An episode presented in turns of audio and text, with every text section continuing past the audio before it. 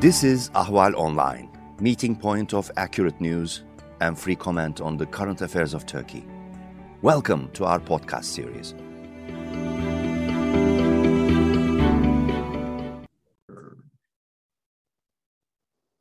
Good afternoon, ladies and gentlemen. Welcome to another episode of Anatolian Dispatch, part of the podcast family of Ahval News, your best source of information for all things Turkish and what's going on in Turkey.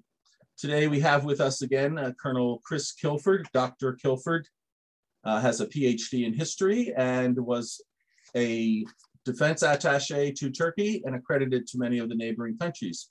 Um, according to the polling that we do and the information we get, he's one of our most popular uh, guests on our podcast. So we're very glad to have him here today. Um, Chris, how are you doing? Uh, hello, Ed, and hello, everybody. I, am glad to be here. And you're absolutely right. I, I, was the defense attache in, in Turkey up until 2014. I looked after Georgia relations with Georgia and and uh, Turkmenistan and Azerbaijan as well. But prior to that, um, I was also the deputy defense attaché at our embassy in Kabul from July 2009 to July 2010. So I spent a year in in Kabul, and so you can imagine I've been watching events there and in the region quite closely. So um, let's let's talk about about recent events in Afghanistan. Um, Canada, of course, had uh, over the years a number of um, soldiers who served there. Um, I'm not sure of the exact number, but um, so a pretty long-standing commitment for a number of years there. Um, and you have that personal experience of having been there, being having been the assistant defense attaché.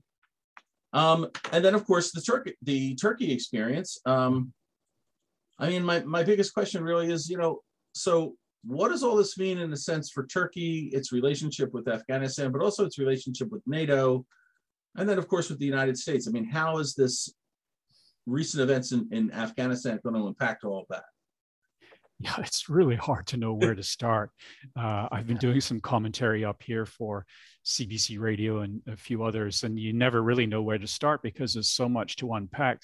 First of all, from the Canadian perspective, we were one of the first to go in in late 2001, and we had military folks there right up until 2014 we had uh, at times you know 3000 or more troops down in the kandahar area especially at the latter stages uh, we then moved from a, to a training mission in 2011 to 2014.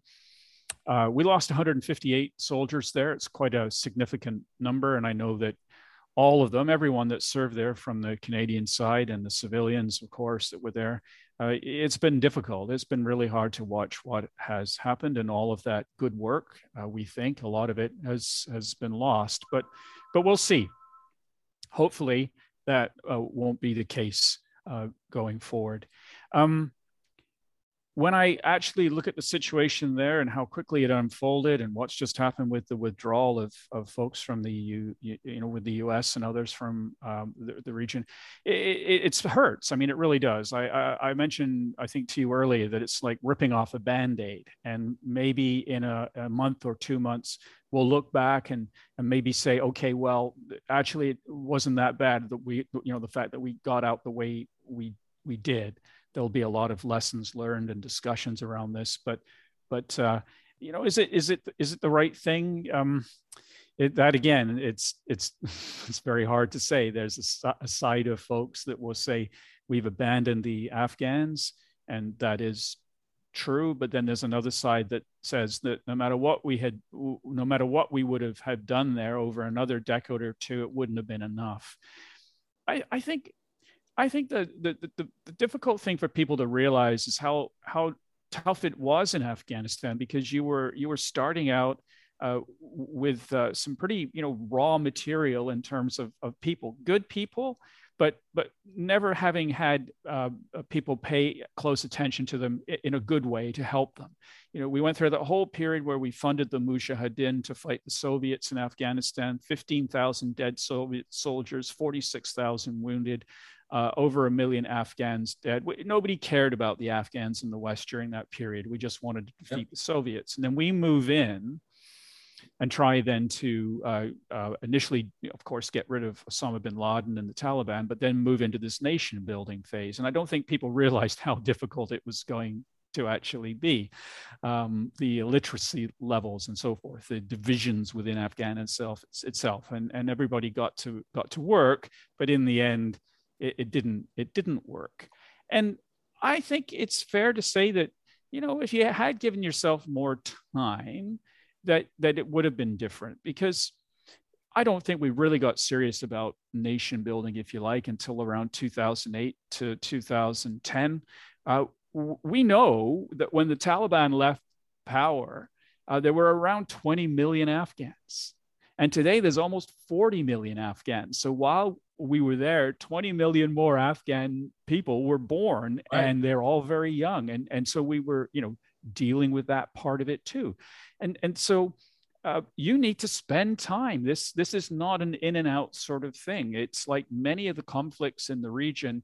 Uh, this is an investment that's 50 to 100 years at least. And if you're not prepared to make it, then you get what I just said: this band uh, uh pulling off the band aid because it's all become uh, right. way too. Yeah, much. I mean, I mean, many many commentators here have, you know, decrying the decision to leave have commented that, well, how long did it take us to change Nazi Germany into a functioning democratic West Germany?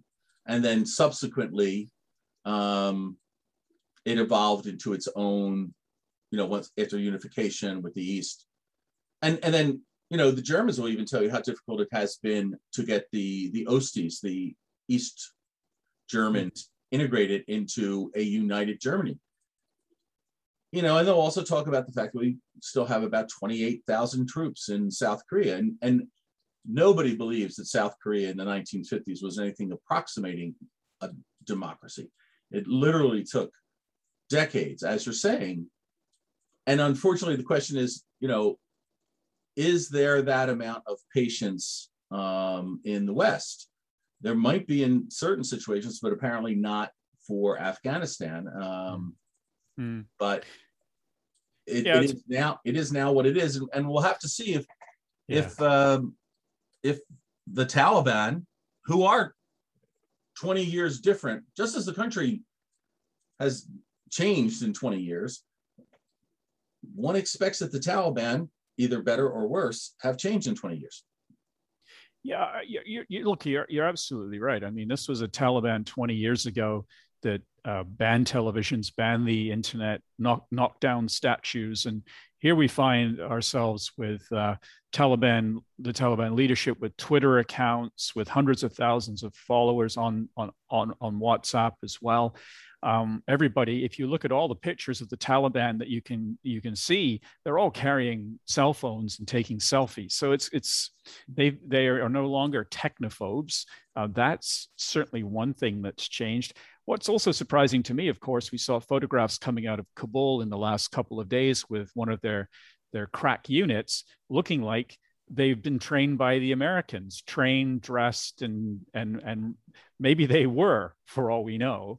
But the mimicry, uh, quite interestingly, the mimicry of, of the United States is right. uh, look and feel for, for troops. So they, they were, you would have expected as Taliban members that they would have just been dressed in traditional garb, but no, there they were looking like uh, US troops and arguably better dressed than any Afghan soldier that I actually saw when I was there or afterwards. It's quite interesting to see this mimicry um, uh, t- taking place. Anyway, uh, this is a country now that will have to pull it pull itself together, find some degree of recognition, because they need help.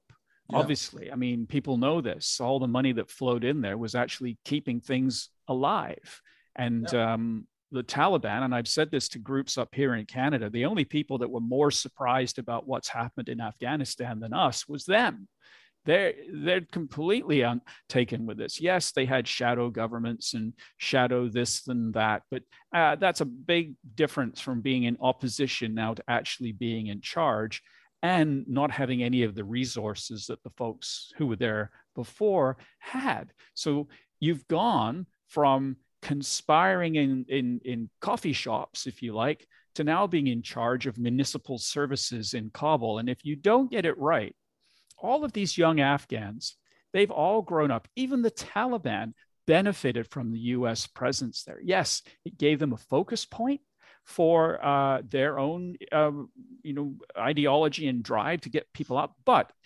Taliban members also went to ATM machines, also gassed up their cars, bought food, all done by the guarantee of, of the US being there, creating security and having the supply chains work.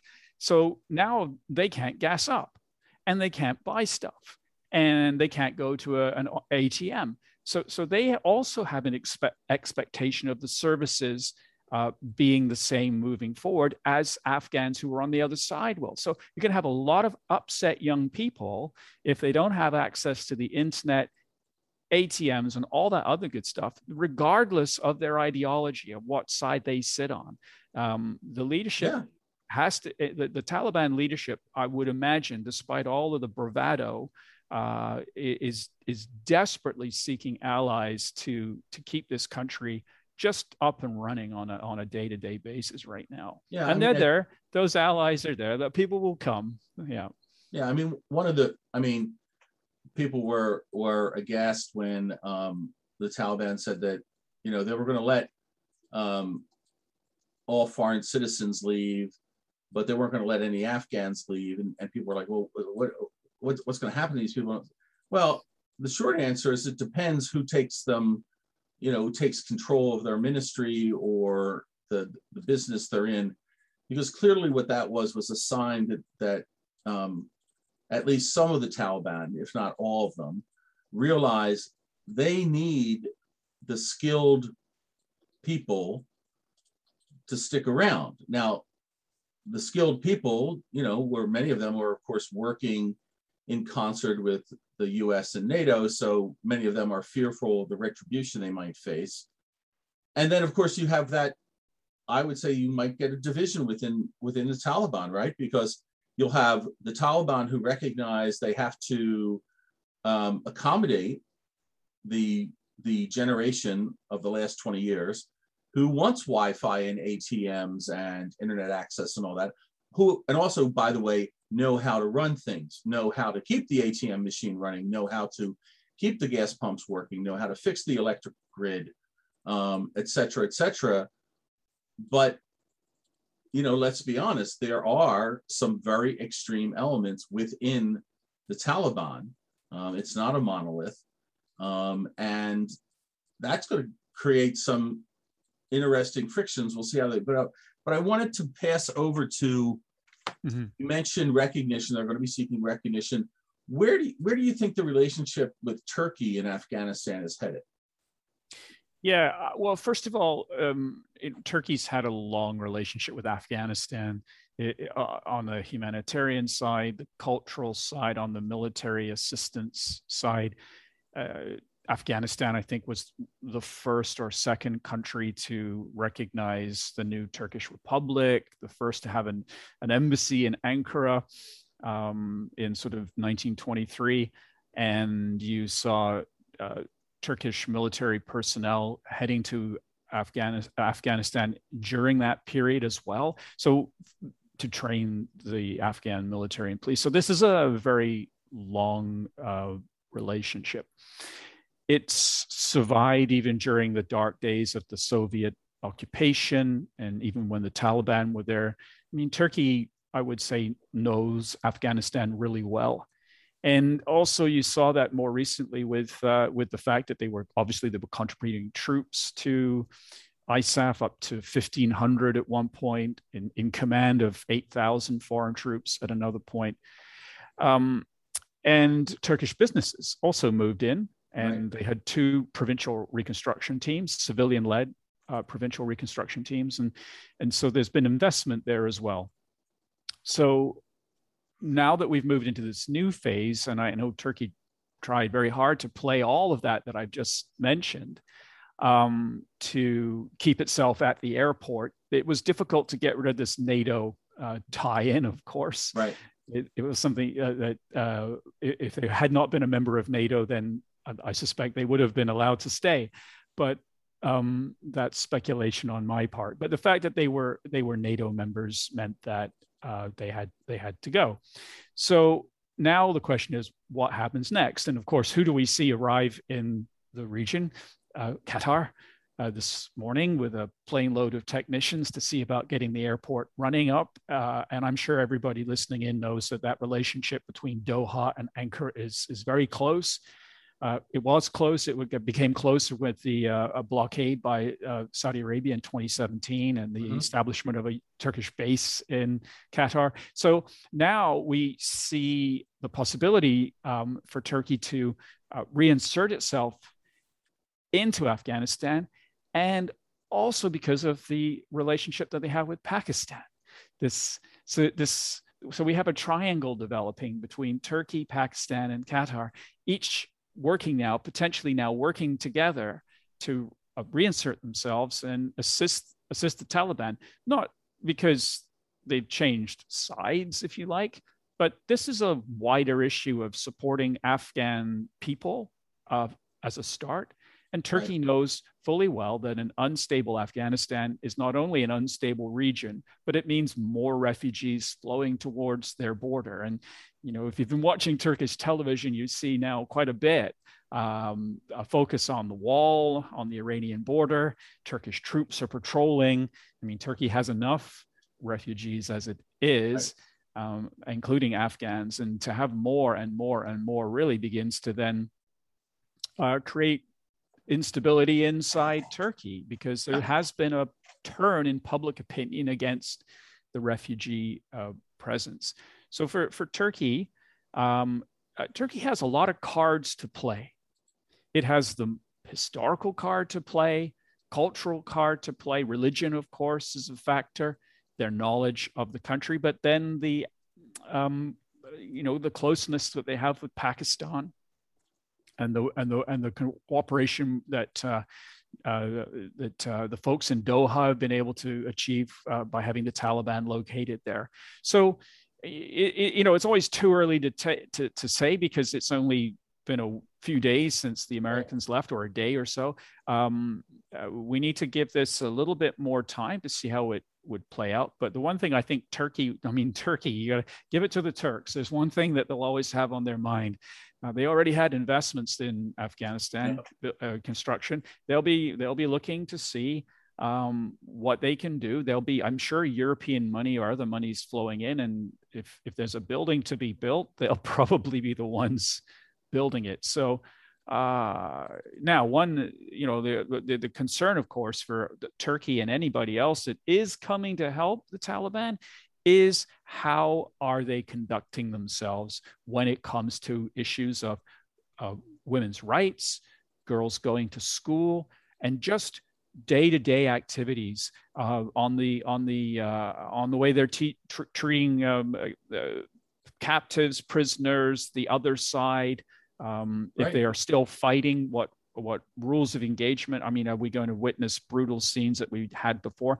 This this um, uh, we have a, a, a, charm offensive by the Taliban that's taking place right now, and um, this is something that can't be jettisoned as soon as they feel that they can. This this this this has to actually become policy uh, if they're right. going to have people like t- Turkey and Pakistan and others uh, be serious. And so I, I, guess on the other side, if, if if countries like Turkey and others, uh, you know, don't step up, then you've pretty much guaranteed that that old style Taliban is likely to come back uh, because they're going to panic panic because they can't deliver services, they can't pay people, and so it gets brutal and ugly. So it, it, it's tough though for us because, for all intents and purposes, we lost that war. Yeah. You know, it, now, and that's fine for us to say that and, and wring our hands over that. But let's face it, we didn't really lose that war. People tell me that Afghanistan is the graveyard of empires, and that's just not true. Afghanistan, Afghanistan is the graveyard of Afghans. They're the ones who have died as a result yes. of our interventions, historical and contemporary. They're the ones who die, not us. We walk away. We leave people behind, people die, no question. But at the end of the day, we just get on with our lives. So um, this is this is where we're at right now.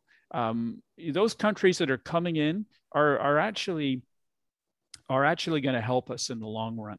They're going to take risks, but but it's going to help make it. Just, it's going to make things, I think, a little better at the end of the day. Uh, yeah, I mean, one region. of the one of the points that's been raised is, you know, what you know, are are the Russians and the Chinese smirking? Well, yeah, okay, they probably are. Um, but then they're also going to step back and say to themselves, "Uh oh." I mean, does China want a, a, completely ungoverned space? It doesn't have much of a border with with Afghanistan, but it does have a small border, and there's ways through those mountains that actually go through third countries. So, does it want an ungoverned space known as Afghanistan that has uh, com- completely uncontrolled, unruly elements um, helping the, the Uyghurs against Chinese rule? Does it want, and does Russia want uh, instability in Afghanistan? Um, you know, and what can it do about it? Because, as we like to say, Russia has history with Afghanistan. Mm-hmm. Um, so they're going to have to they're going to have to tread lightly themselves. Um, as people step back, I think you're right. They're going to have to figure out how do we contribute to stability and progress in Afghanistan um, in the face of what, again, I, I strongly believe is a very heterogeneous group. The Taliban is made up of, of I mean, you have the Haqqani network in it, you have some of the old mujahideen in it. You do have these people who have come of age in the last 20 years who do have different expectations. Um, they are more plugged into the rest of the world. So there's there's going to be and and the question is going to be, what do you do to foster it? And you know specifically, what can Turkey do to foster stability, which would, by the way, lead to economic opportunities um, rather than you know just washing their hands of Afghanistan. Um, yeah, which is I think the inclination among most Americans at this point. Um, you know, it's done, it's over, we're out of there. Don't even say the word Afghanistan to me anymore, which I don't think is the best. Yeah, I think I think actually there's a there's a there's a great opportunity for Turkey here. Uh, yes, I've mentioned Pakistan, but Pakistan is is Pakistan and has a, a lot to contend with. But we know that uh, Qatar has a lot of money, but they don't really have people. I mean, they have obviously they have people, but not many, and there's a lot of foreign folks there. So where is the actual energy and and the workers and all of this and, and all of that going to come from? And and Turkey would be um, sort of I think the other side of of that coin, where the you see Doha and Ankara working together, utilizing this, the, the, their best strengths to bring some stability to Afghanistan. Of course, it's in Turkey's national interests. We've already spoken about the potential for refugees flowing in, uh, but also wider instability. We know, for example, that there are electrical and um, uh, natural gas projects that are uh, either on the ongoing or envisioned to go through uh, parts of Afghanistan. This benefits the whole region. If the whole region begins to pick up economically, this benefits Turkey as well, because of course they have such a close relationship with the countries in, in the region. So the fact that you know somebody has, let's say for the moment, won uh, in in Afghanistan, uh, although we're always concerned about a civil war or a Game of Thrones like scenario happening. Right. But if if Turkey is able to uh, assist the government there uh, maintain stability, then that will will aid aid Turkey. So I I could see if you were in, in Ankara, you know, you're you're okay. Look look, it's tough economically right now, and I know the government's under pressure as they look to 2023. But if you are sitting in Ankara, you'll be saying to yourself, "Hey, you know, we're on a roll.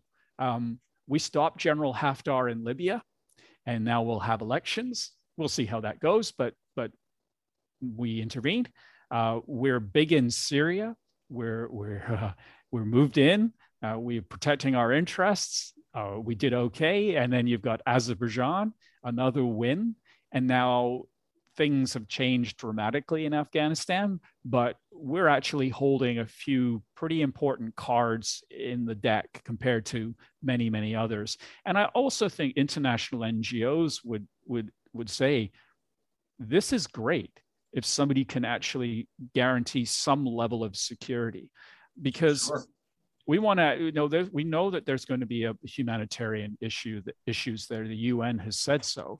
Yeah. so the ngos of course will be saying to countries like uh, turkey and qatar if you can go in and stabilize the situation regardless of uh, what political turn the taliban take for the moment uh, this would be a win-win i mean a win for you win for us and and so um, I would think, yeah, I would think, uh, I would, of course, Ministry of Foreign Affairs in Turkey, they would be uh, doing all they can to figure out what what to do yeah. next. Oh yeah, they have to look after their own people. They have to protect their own people, of course, but they're not risk averse. That right. is one thing we know.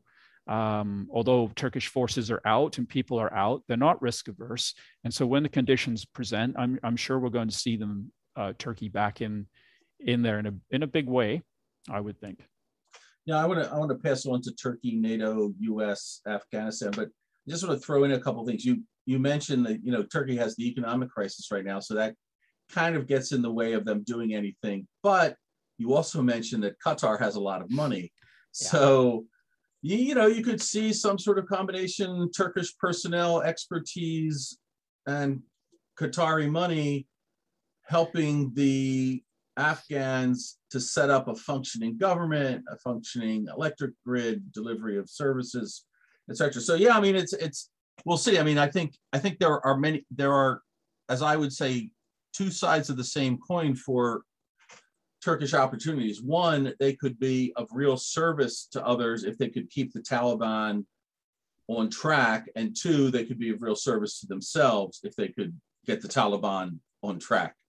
So mm-hmm. um, but let's talk a little bit about this is not about what happened, but how it happened and the impact of how it happened um, on um, Turkish perceptions um, about the relationship of Turkey with NATO, with the US, um, and, and how the whole thing rolled out in the, in the last two weeks, but also the fact that the US essentially made a unilateral decision about when and how it was going to withdraw, which of course drove what everybody else in NATO who was there, the 7,100 NATO personnel who were there, um, when they were going to leave and how they were going to leave.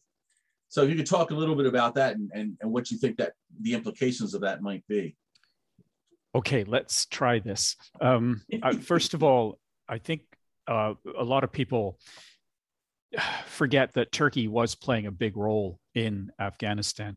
It lost soldiers there. We know about the helicopter crash and, and right. the car crash that took away the commander in of, of their forces in 2009, and uh, uh, one soldier was killed in 2015.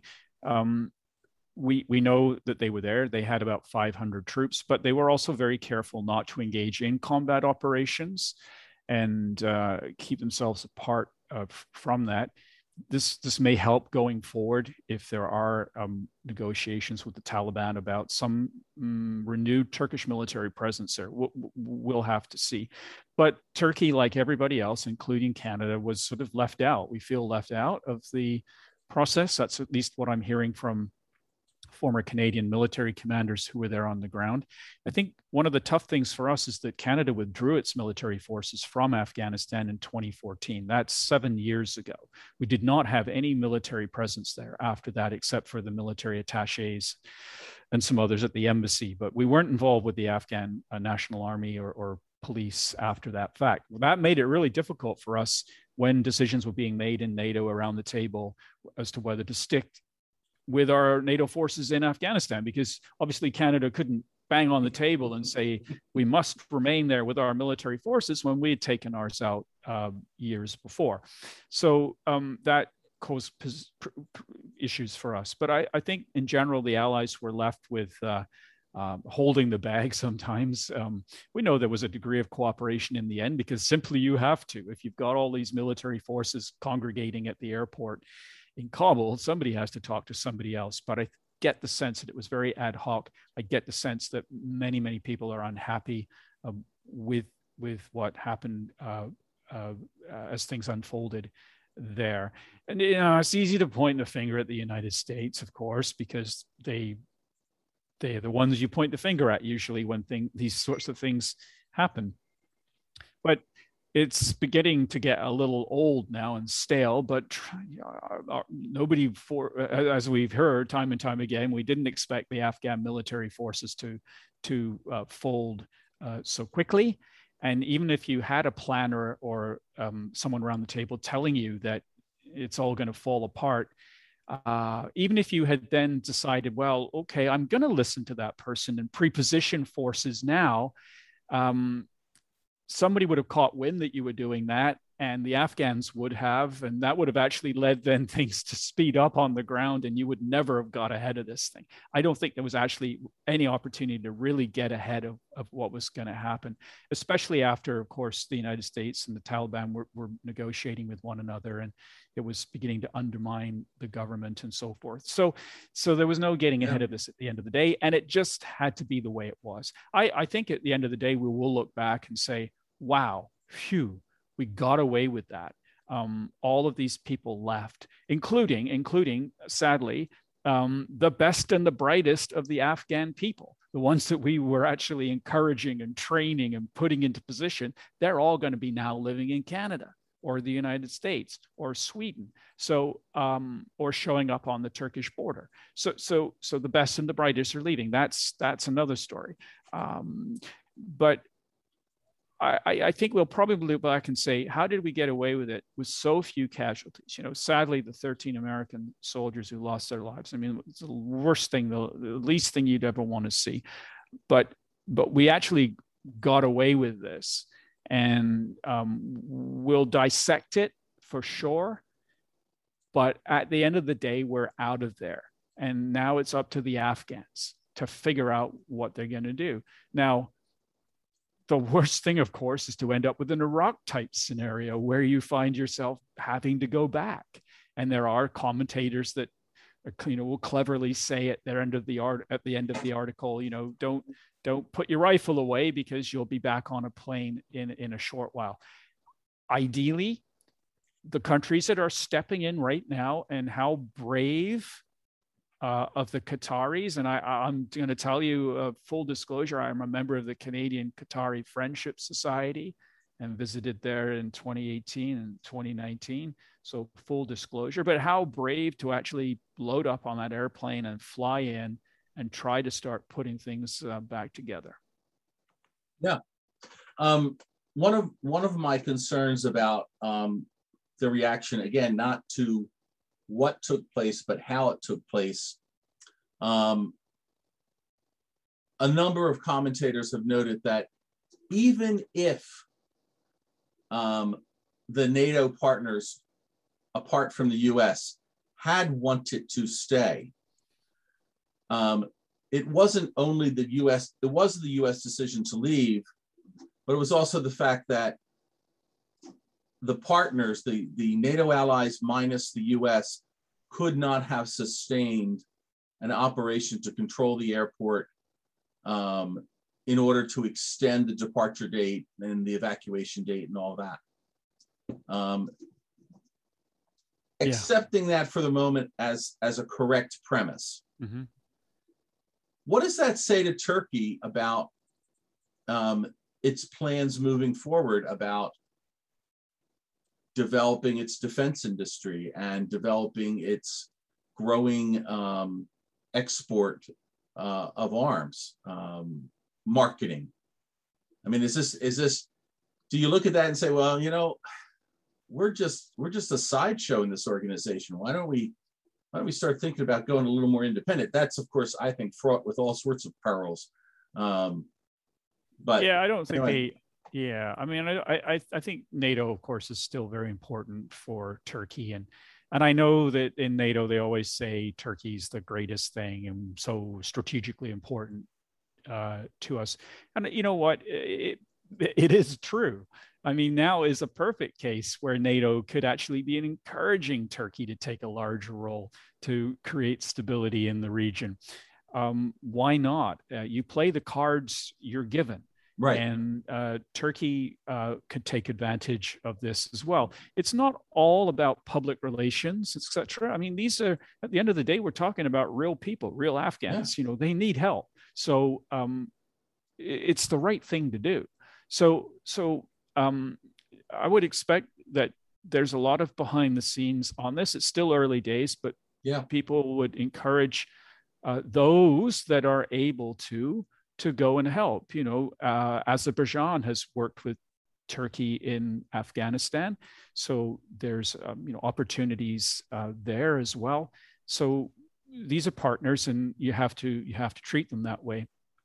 I always wondered why the Afghan armed forces was not buying as many of the Bayraktar TB2 drones that they possibly could because it's an incredible force enabler. And I'm not a salesman for the Bayraktar drone, uh, but but I told others about uh, the drones um, and what they can do uh, for for militaries who are facing like counterinsurgency type work.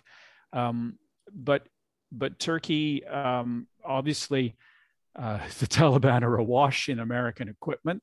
Not that they can keep it running for that long, because right. you know, we forget that a big part of the play players in there were contractors um, who were helping out. But um, there, there, there will there will always be opportunities. People will always always look for opportunities. But I wouldn't think weapon sales would be on the minds of Turkey of the Turkish government. I think they have much more.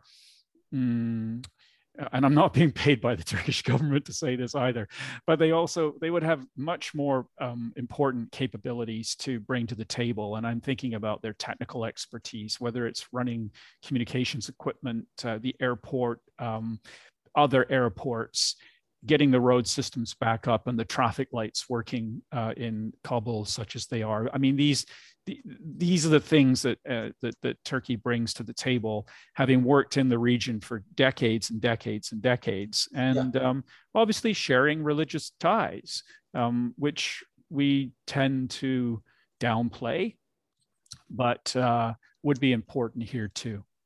Well, I mean, I, um, you're, you're, talking to someone who was uh, well known in the U.S. Foreign Service, of being always concerned about religious ties um, and how the United States had for far too long ignored um, the interplay of religion and politics and other cultural issues in mm-hmm. politics, and that mm-hmm. um, you know, mm-hmm.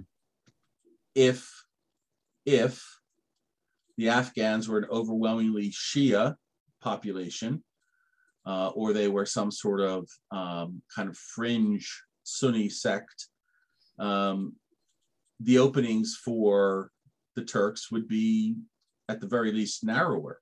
And that's simply a fact. And the fact that they are they are co-religionists um, by and large.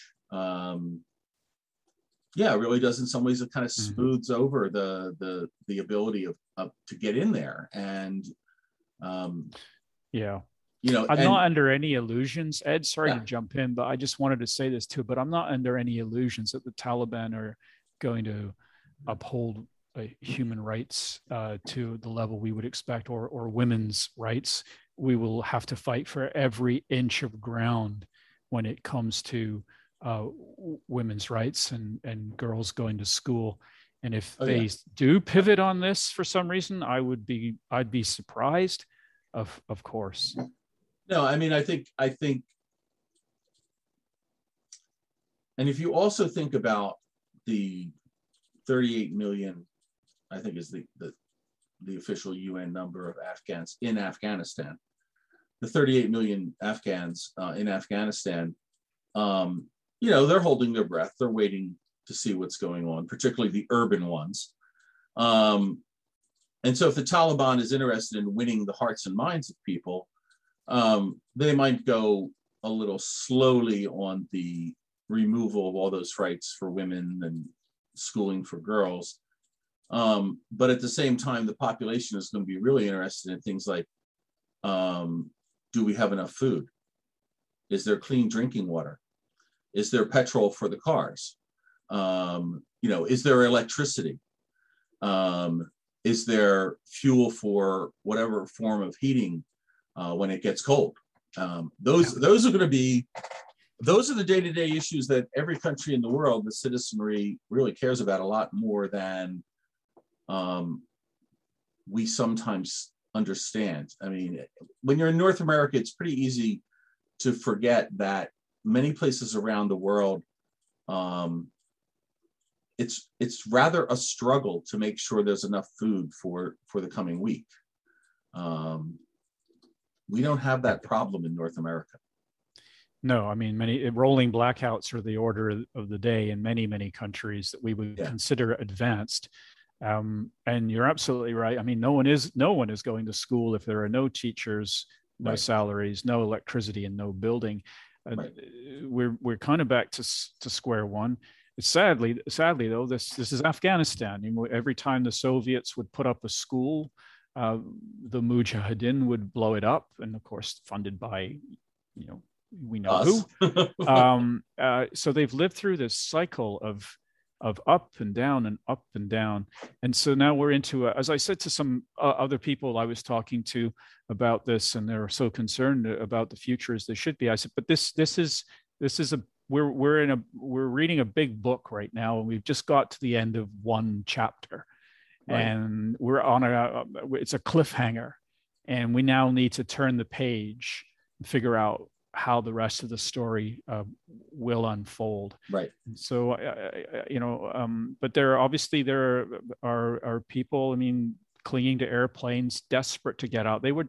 Uh, many Afghans were desperate to get out before the Taliban showed up in Kabul. We know this um, right. because if you look at, despite all of our work there, if you look at any index, Human Rights Watch, Transparency International, Afghanistan is at the very, very bottom of all of these lists, despite all the work we did. Um, so, so the, people were will, people were willing to get out and do it any way they could, and and of course this Taliban situation made it even more so uh, the case. Um, you know, uh, this is another chapter. Yeah. Will uh, will yeah. the future of Afghanistan be stable, uh, or will it you know devolve into a this Game of Thrones situation that or scenario? We don't know. Yeah. But if there's any light at the end of the tunnel, it was that aircraft landing today with technicians on board to try to, you know, the first sort of um, arguably positive thing that we've seen in all of this mess yeah. um, was was somebody going back in to say, let's try to fix things. yeah, let's try to get the, let's try to get things up and running. Yeah. Chris, thanks very much. That's about it. We're running out of time. Um, I want to thank you again. Uh, I hope our listeners and viewers enjoy this. Um, and I think uh, we real everybody realizes, um, yeah, this is this is chapter one in a long book. So we'll be back for more chapters. All Thanks, right, Ed. Take care. Thank you. Thank you.